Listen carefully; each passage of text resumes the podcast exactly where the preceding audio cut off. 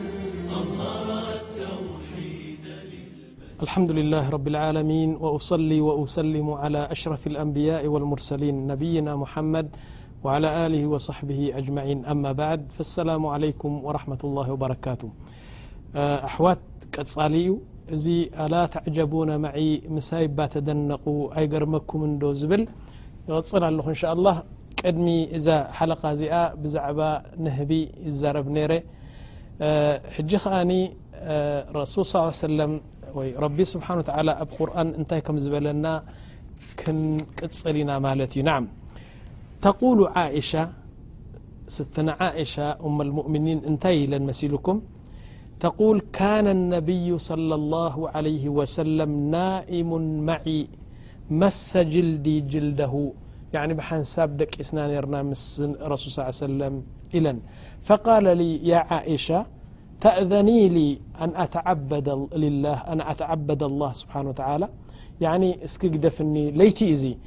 تفقد ليده شوي خفل كمو أصلي وأتهجد نعم قالت عائشة فعلمت أنه يشتاق إلى ربه مي بحقي فقري ني ربو نافقت ني يت سل زلو سل زفلتك قلت له افعل يا رسول الله تسء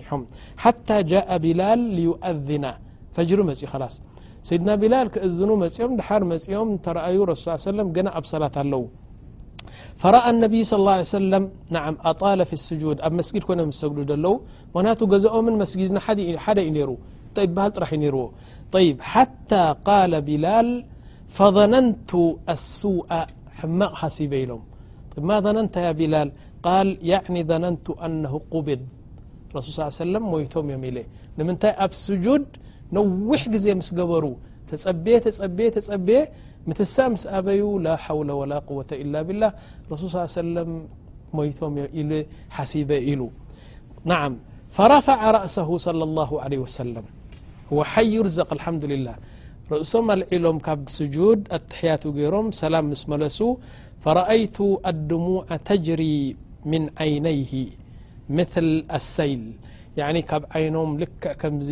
ውሕጅ ንብዓት ካብ ዓይኖም ይወጽእ ሪኤ ኢሉ ፈቁልቱ ብኣቢ ኣንተ ወኡሚ ያ ረሱል ላህ ኣቦይን ኣደይን ቅድሜኻ ዝሰጥሑ ማለት እዩ ብዓረብኛ ያኒ ቅድሜኻ ሲ ኣቦይን ኣደይን ዝሰጥሑ እስኻ ቅድሚ ኩሉ ኢኻ ርእሰይ ዓይነይ ልበይ ኢኻ ስለዚ እንታይ እኻ ኮንካ ያ ረሱል ላህ ብዙሕ እንታይ ትበሃል ትበኪ ኣለኻ ኢሎሞ ፈቃል ኣላ ናዓም የቁል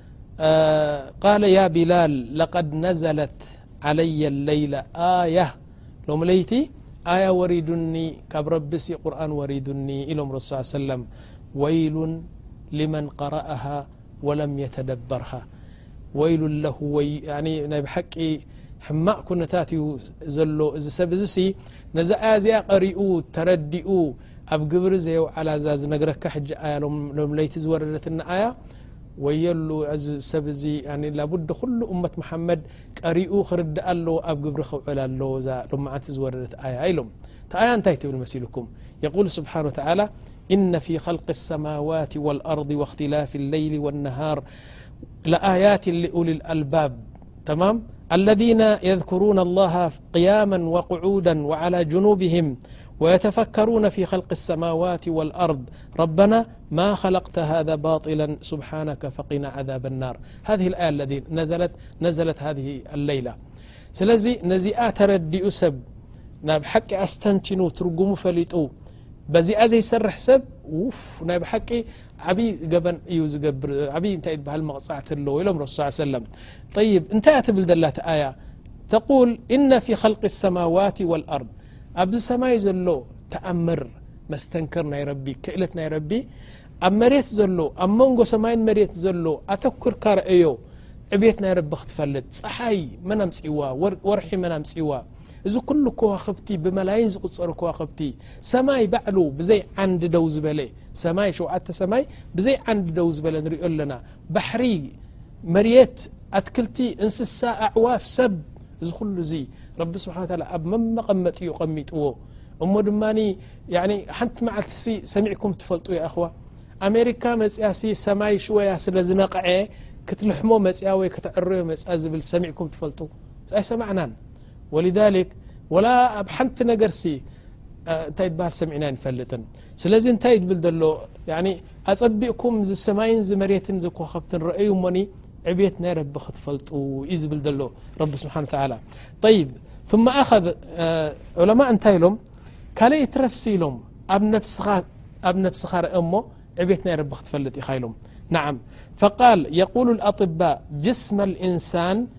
እዛ ሰውነት ናይ ወዲ ሰብ እኮ ኢሎም ምን ኣዕጀብ ልመክሉቃት ወላኪን ኣክር ናስ ጋፊሉን ኣው ሙተጋፊሉን እዛ ነብሲ ስኒ ተኣምር ኮያ ንባዕላ ሲ ዓለም ዓለም እያ ካብ ጨጉሪ ርእስና ክሳብ ፅፍሪ እግርና እንተ ትርእሲ ኩሉ ዘደንቕ ነገር እዩ ዘለዋ ይብል ወኣና ኣጉለኩም ሰራሓ ኣና ከም እብራሂም ስራጅ ረቢ ስብሓን ተላ ፍቓድ ተዝህበኒ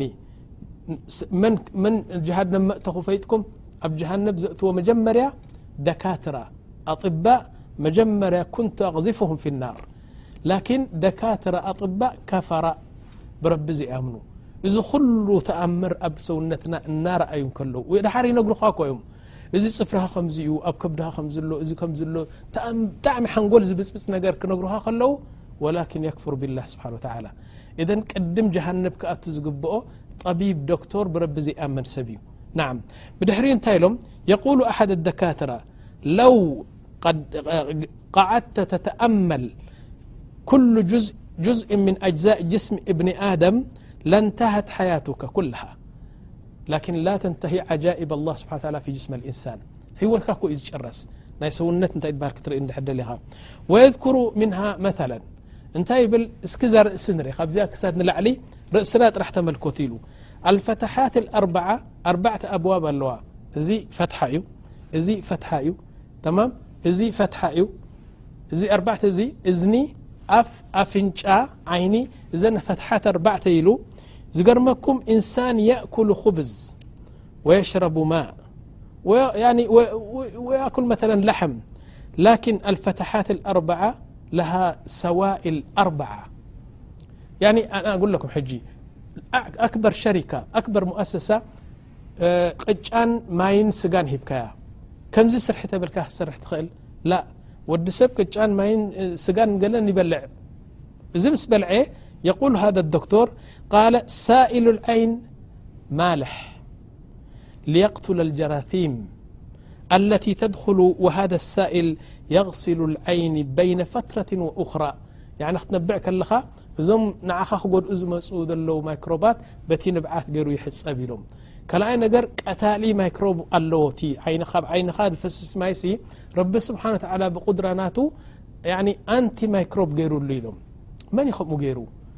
ረቢ እበር ካል መን ሞ ክገብር እታ ዝኸልቓ ነብሲ ረቢ ስብሓ ላ እዩ ይ ወፈትሓት ኣንፍ ጃዓለ ለ ሳኢል ሙኻጢእ ወሽዓይራት ኣብዚ ከኣ መለግለግ ዝብል ናይ ንፋጥ ማለት እዩ ፈሳሲ መለግለግ ዝብል ገይሩሉ ኣብ ልዕሊ ዩ ከኣ ጨጉሪ ገይሩሉ ዚ ውሽጢ ኢሉ ማذ ኣኑ ፊልተር ኢሎም ፊልተር ትፈልጡ ፊልተር መ ጀራም ቀተልቲ እዚኦም ሓሳኹ ገለ ክመፁ ከለውቶም ጀራም ክኣትዉ እንከለዉ ብመጀመርያ ደረጃ ኣብቲ ኣብዚ ዘሎ ሳኢል መለግለግ ዝብል ኣብኡ ይተርፉ ሕጂ ንኣብነት ንህቢ መዓር እንታይ ይበሃል ሃመማ እናጎየ መፅኡ ኣብ መዓር እንድሕር ወዲቑ ኣይለቆን እዩ ይሕዞ ማለት እዩ እዚኦም ካብዞም ጀራቲም ብዓይኒ ዘይረኣዩ ጎዳእቲ ህይወት ዘለዎም ነገራት ኣብ ኣፍንጫና ክኣትዉ እንከለዉ እቲ ዘሎ ንፋጥ ሙኻጢ ንሱ ይሕዞም ሓደ ካልኣይ ነገር እቲ ጨጉሪ ኣብ ውሽጢ ዘሎ ንሱ ይኽልክሎም ኣብኡ ፈንጠርጠር እናበሉ የብሉ ይሞቱ ማለት እዩ ወልذሊክ ሸረዓ ነቢ ስ ሰለም ኣልእስትንሻቅ ወልእስትንር በል የቁል ነቢ ስ ሰለም ባልቕ ፊ ሃذ እሽ ማዕናሃ ማይ ጌርካ ፊፍልካ ተእቱ ማይ ንምንታይ ክሓፅቦ ባት ውሽጢ ክንደይ ጀራቲም ክንደይ ማክሮብ ዘለዎ እዩ ድሓር ተስተንር ፊፍልካ ከዓ ተውፅኦ ሰለስተ ግዜ ከምዚ ትገብር ማለት እዩ ስለዚ ረሱ ሰለም እዚ ስለ ዝፈለጡ እስትንሻቅ እስትንሳር ሸርዒ ገይሮምልና ማለት እዩ ስብሓና ላህ ጥዕናና ኮይኑ ጥዕናና ይብ ብድሕሪ እንታይ ኢሎም ወፈትሐት ልፈም ኣብ መልሓስ ኣብዚ ኣፍና ከኣኒ ሓደ ፈሳሲ ነገር ገይሩ ኢሎ ረቢ ስብሓ ላ ገይሩ ላኪን እዚ ናይ እዝኒ መሪር እዩ እዚ ናይ ንታይ በሃል ናይ ዓይና ጨዋማ እዩ እዚ ክስታይ ኣብ ኣፍንጫና ዘሎ ከኣ ካልእ ጣዕሚ ዘለዎ እዩ ኣብ ኣፍና ዘሎ ፈሳሲ ግን ጣዕሚ ዘይብሉ ገይርዎ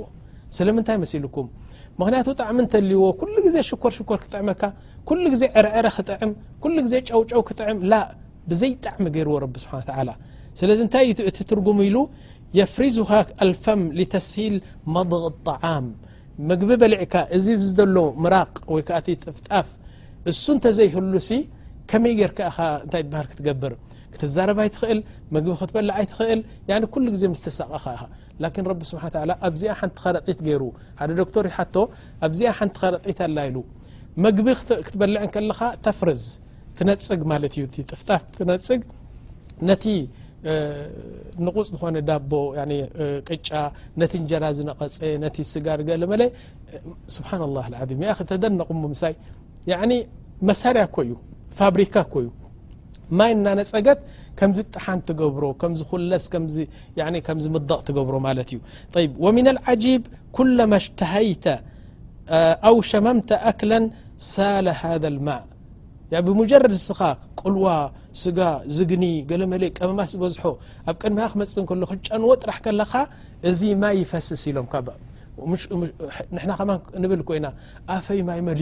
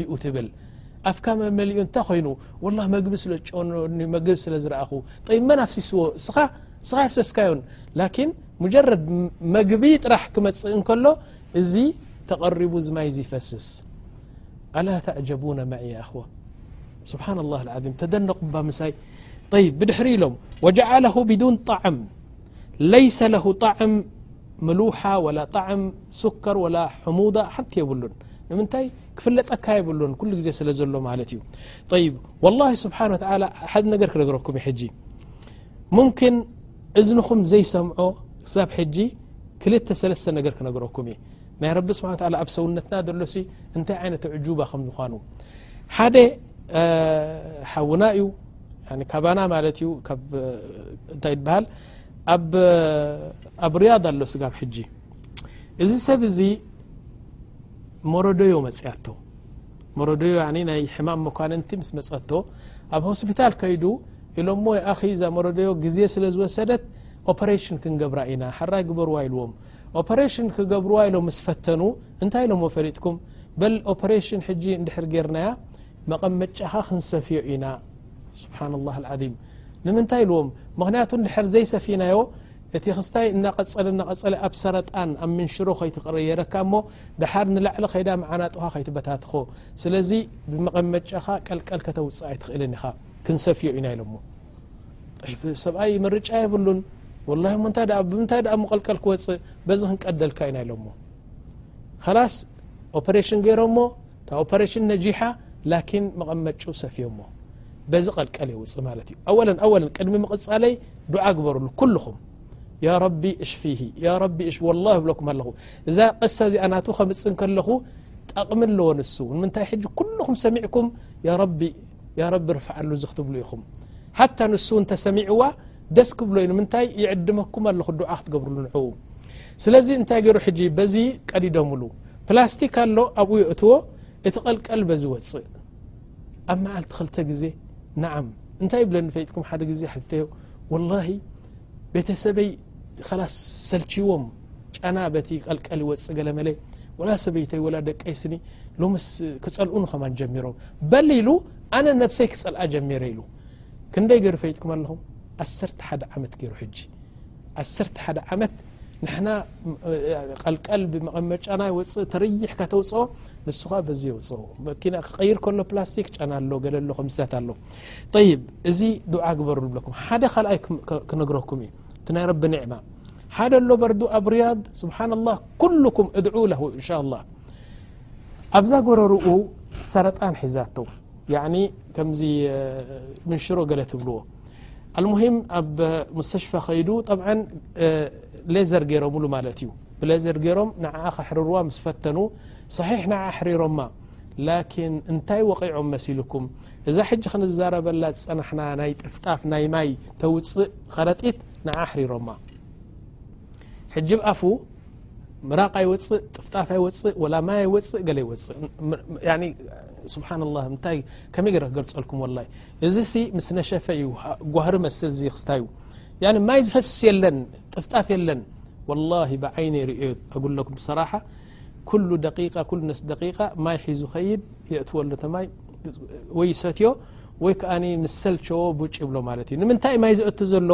ኣብ ክንዲ እቲ ጥፍጣፍ ዝወፅእ ዝነበረ ማይ የእትወሉ ይትርክስ መግቢ ክበልዕ ተኮይኑ ብማይ እዳእተወ ይበልዕ ማለት እዩ ስብሓን ላህ ዓም طይብ እድዑ ላه ለሁም የእኽዋና ብጣዕሚ ድዓ ግበርሎም ሳልሳይ ክነግረኩም ስብሓና ላህ ፋትሓት ልእዝን እዛ እዝኒ ትርእዋ ኣለኹም ንሳ ከኣኒ ፈሳሲ ገይሩላ እዛ ፈሳሲ እዚኣ እንታይ እያ ዕረዕረ ዝጥዕም ኢሎም ላኪን እቲ ማይክሮብ ወይ እቶም ጎዳእቲ እንስሳ ክመፁ ከለዉ ነቲ ከበሮ ናይ እዝንና ከየባላሸዎ ምእንታን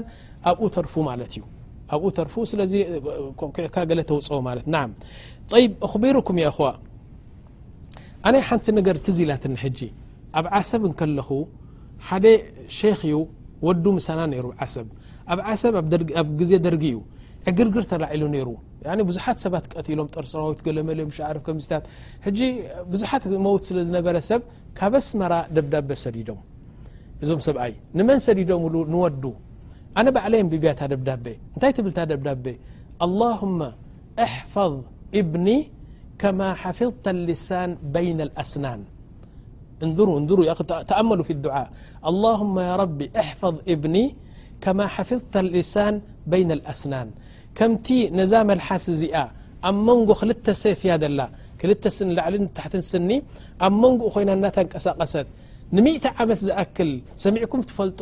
ሰብኣይሲ ወይ ሰበይቲ መልሓሱ ቆሪጽዋ ሰሚዕኩም ትፈልጡ ላእ መዓኑ እታ ዝለስለሰት ንሳ እያ ደሓር ክትዛረብ ከለኻ ትወፅእ ትኣቱ ትወፅእ ክትበልዕ ከለኻ ነቲ መግቢ ባዕላ እያ ተካውሶ ባዕላ እያ ከምዚ ገራ ተብሎ ላኪን ሓንቲ መዓልቲ ሰብኣይሲ መልሓሱ ቆሪጽዋ ድበሃል ሰሚዕና ኣይንፈልጥን ብላዕሊ ሴፍ ኣሎ ብታሕቲ ሴፍ ኣሎ ሓንሳእ ተነኺስዋ ግን ከምዘይትንከስ ማትማቲካሊ ገይሩ ረቢ ስብሓ ታላ ኣብ መቐመጥያ ምስ ቐመጣ ትወፅእ ትኣቱ ትወፅእ ትኣቱ ግን ተነኺሳ ኣይትፈልጥን በል ነቲ እንጀራ ክንሓይኮን ከለና ምስኡ ተሓይኻ ኣይትፈልጥን ኣቀማምጣኣ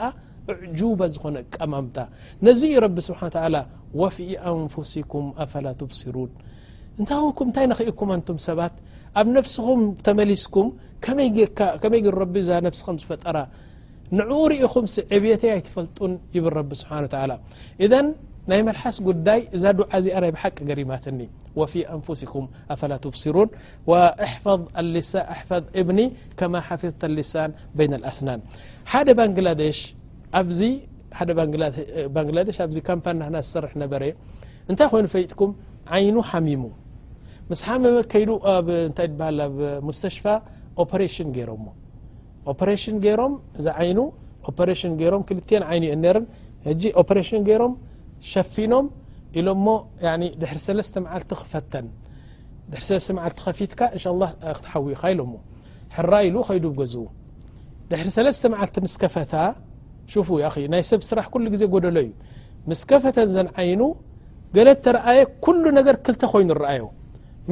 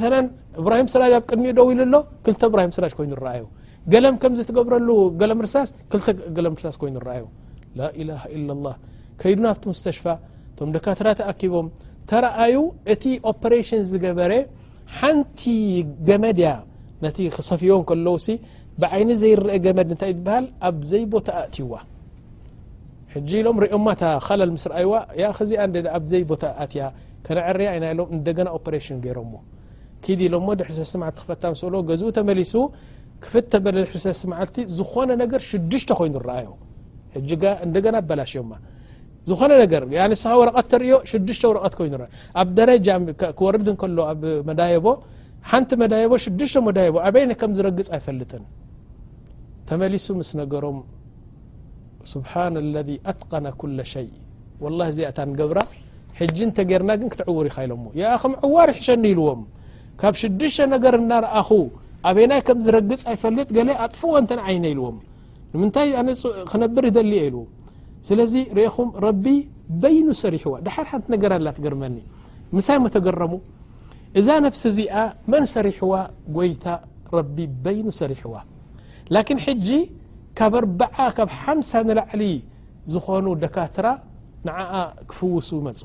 ዶክቶር ናይ ዓይኒ ዶክቶር ናይ ቆርበት ዶክቶር ናይ ዓፅሚ ዶክቶር ናይ ሕርሲ ዶክቶር ሙሽዓርፍ ክንደይ ደካትር ኣለዉ እዞም ኩሎም ተኣኪቦም ሲ ነታ ረቢ በይኑ ዝኸለቓ ንዓ ክዕርዩ እዞም ኩሎም ደካትራ ተኣኪቦም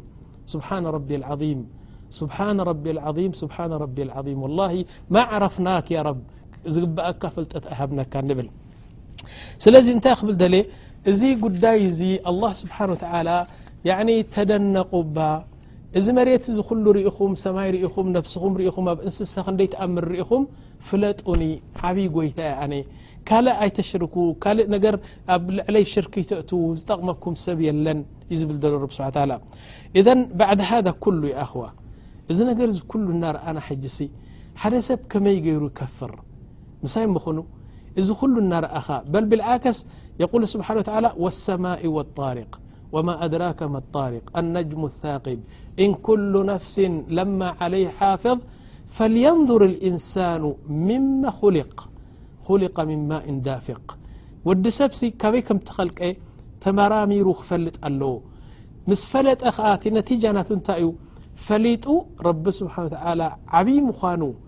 ካብ ሓደ ፈሳሲ ነገር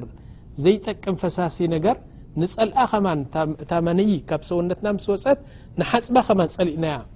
ኣንታ ሙተከብር ትዕቢተኛ ሰብ እኮ ካብዚ ፈሳሲ እዚ ኢኻ ተፈጢርካ ይብል ን ሕጂ ስብሓና ላህ እንታይ ይብል መሲልኩም ሓደ ሰብሲ ብናይ ፈርጅ ብናይ ዘከር ናይ ብኡ ምስ ሽንቲ ወፅኡ እንደገና ክውለድ ከሎ ብናይ ፈርጅ ናይ ኣዲኡ ምስ ደም ተለቓሊቑ ወፂኡ ኬፍ የተከብር ዓላ ላህ ከመይ ገይሩ ስገድ እምቢ ረቢ ኣሎ የለን ረቢ ስብሓን ተላ እዚ ሓራ ሪባይ ትብላዕ ክበልዐ ሌሽ የተከበር ዓላ ላህ እዚ እቲ ቀንዲ እንታይ ትበሃል ዘሎ ስለዚ እንታይ ክብል ደልየ ያኹዋ ثመ ቃለ ፊ ጅስሚ ልእንሳን ዝገርመኩም ነገር ሓንቲ ነገር ክነገርኩም ምሳይ እሞ ተደነቑ እዛ ሰውነት ናይ ሰብ ኢሎም መቐስ ኣምፂኻ ሕጂ ወይ ካራ ኣምፂኻ ኣብዚ እንተሓሪድካኒ ኡይ ይብል ቕንዞ ክቕንዞ እንከለኹ ከማን ኣፈይ ይቋየቕ እዚ ዓይነይ ንብዓት የፍስስ ኢደይ ክወቅዕ ይደሊ እግረይ ክሃድም ይደሊ ኩሎም ተሓባቢሮም ኡይ ይብሉ ኣብዚኣ ብኻራ ስለ ዝሓርድካኒ ማለት እዩ ቃንዛ ስምዓኒ ኣብ እግረይ ከምኡ ላኪን ረቢ ስብሓን ተላ ስብሓና ላህ ክልተ ነገር ኣብ ሰውነትና ወላ ብኻራ ተቆረፅካየን ወላ ብመቐስ ገርካ ተቆረፅካየን ዘይስመዓና ቃንዛ ዘይብለን ክልተ ገዲፍወን ከመይ ገይሩ ገዲፍወን ንምንታይ ኩሉ ግዜ ይበቑላ ስለ ዝኾና ክቑረፃ ከም ዘለወን ፈሊጡ ረቢ ክንቆርፀን ድሕር ኮንና ኩሉ ሰሙን ኩሉ ክልተቕን ድር ክንቆርፀን ኮይና እንዳተሳቐና ድና ክንቆርፀን ላእ ከምኡ ይደለየን ረቢ ስብሓ ታላ ደስ እናበለና ክንቆርፀን ስለ ዝደለየ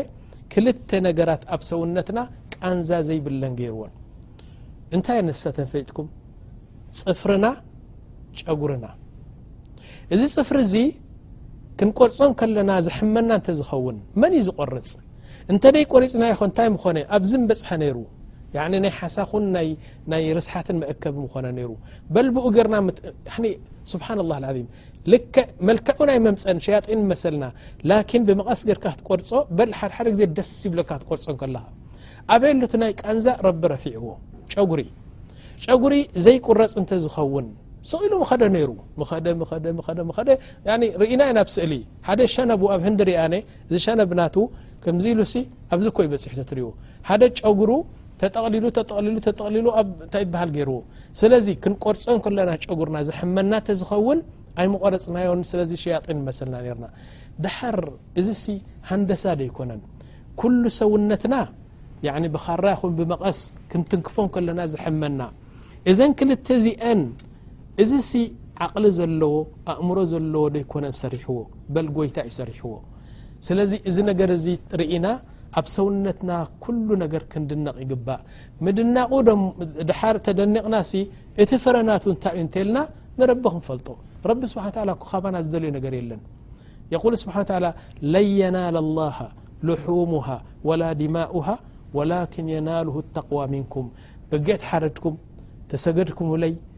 ወላ ተተጎምበስኩም ወላ ተደነንኩም ወላ ገመል ተሓረድኩም ዝኾነ ተገበርኩም እኮ ላ እቲ ገመል እቲ ስጋ ናባይ ኣይመፅእ ወላ እቲ ተዓብ ናትኩም ናባይ ኣይመፅእ ናባይ ዝመፅእ እታ ፍርሓት ናትኩ ኢና ኣብ ልብኹም ዘላ ዕቤት ናተይን ፍርሓት ናይ ረብን ንሳኣ ናባይ ትመፅእ ይብል ረቢ እንታይ ትደሊ እስኪ ንሕተቶ ያ ረቢ እንታይ ኢኻ ትደሊ ካባና ካባኹም ዝደሊ ፍለጡኒ ከመይ ክንፈልጠካ ዓብዪ ጎይታ ብጀካይ ኢላህ ከም ዘየሎ ማንም ሰብ ክትግዝኡ ከም ዘይብልኩም ኣብ ማንም ሰብ ክትውከሉ ከም ዘይብልኩም ንዓይ ጥራሕ ዓብ ይበሉኒ ኣላሁ ኣክበር ኢላ በል ንረሱ ሰለ እንታይ ኢሎም ያዕኒ መጎሳ መድሕ ዝፈቱ ከም ረቢ የለን ኢሎም ንዓይ ክትመድሓኒ ከለካ ደስ ይብለኒ ላኪን ፅቡቅ ኣይኮነን ሰብ ክምዳሕ ወይ ከኣ ከተመጉሶ ክትንእዶ ክትንእዶ ንድሕር ዝደሊ ኮይኑ ፅቡቅ ኣይኮነ ዚ ነገር እዚ ላኪን ረቢ ክነኣድ ይፈቱ ብጣዕሚ ክነኣድ ስለ ዝፈቱ ባዕሉን ነብሱ ንኢድዋ እንታይ ኢሉ ኣልሓምዱ ልላህ ረቢ ልዓለሚን እዚ ጎይታ እዚ ሲ ነብሱ እኮ እዩ ዝንእድ ዘሎ ምስጋና ይብፅሓዮ ኢሉ በል የቁል ኣላሁ ኣክበር ካባይ ዝዓቢ የለን ኢሉ ስብሓና ላህ ዓም ስለዚ እንታይ ክብል ደልየ ገና ኣይተወደአት ሓለቃ ላኪን ሰዓት ስለ ዝኣኸለ ሕጂ ኣብዚ ከቋርፀኩም እየ ቀፂለ ካብዚ ቀፂለ ሽዕኡ እዛ ሓለቃ እዚኣ ጥዕምትን ምቅርትን ስለ ዝኾነት ካልኣይ ነገር ረቢ ረብናን ጎይታናን ተፍልጠና ስለ ዝኾነት ኣይተወደአትን ክቕፅላ እየ ዓጂብ ናይ ነብስና ይኹን ዓጂብ ኣብ ኣከባብና ዘሎ ኩሉ ፈሊጥና እቲ ቁም ነገር ንረቢ ክንፈልጦ ስለ ዝኾነ እንሻ ኣላ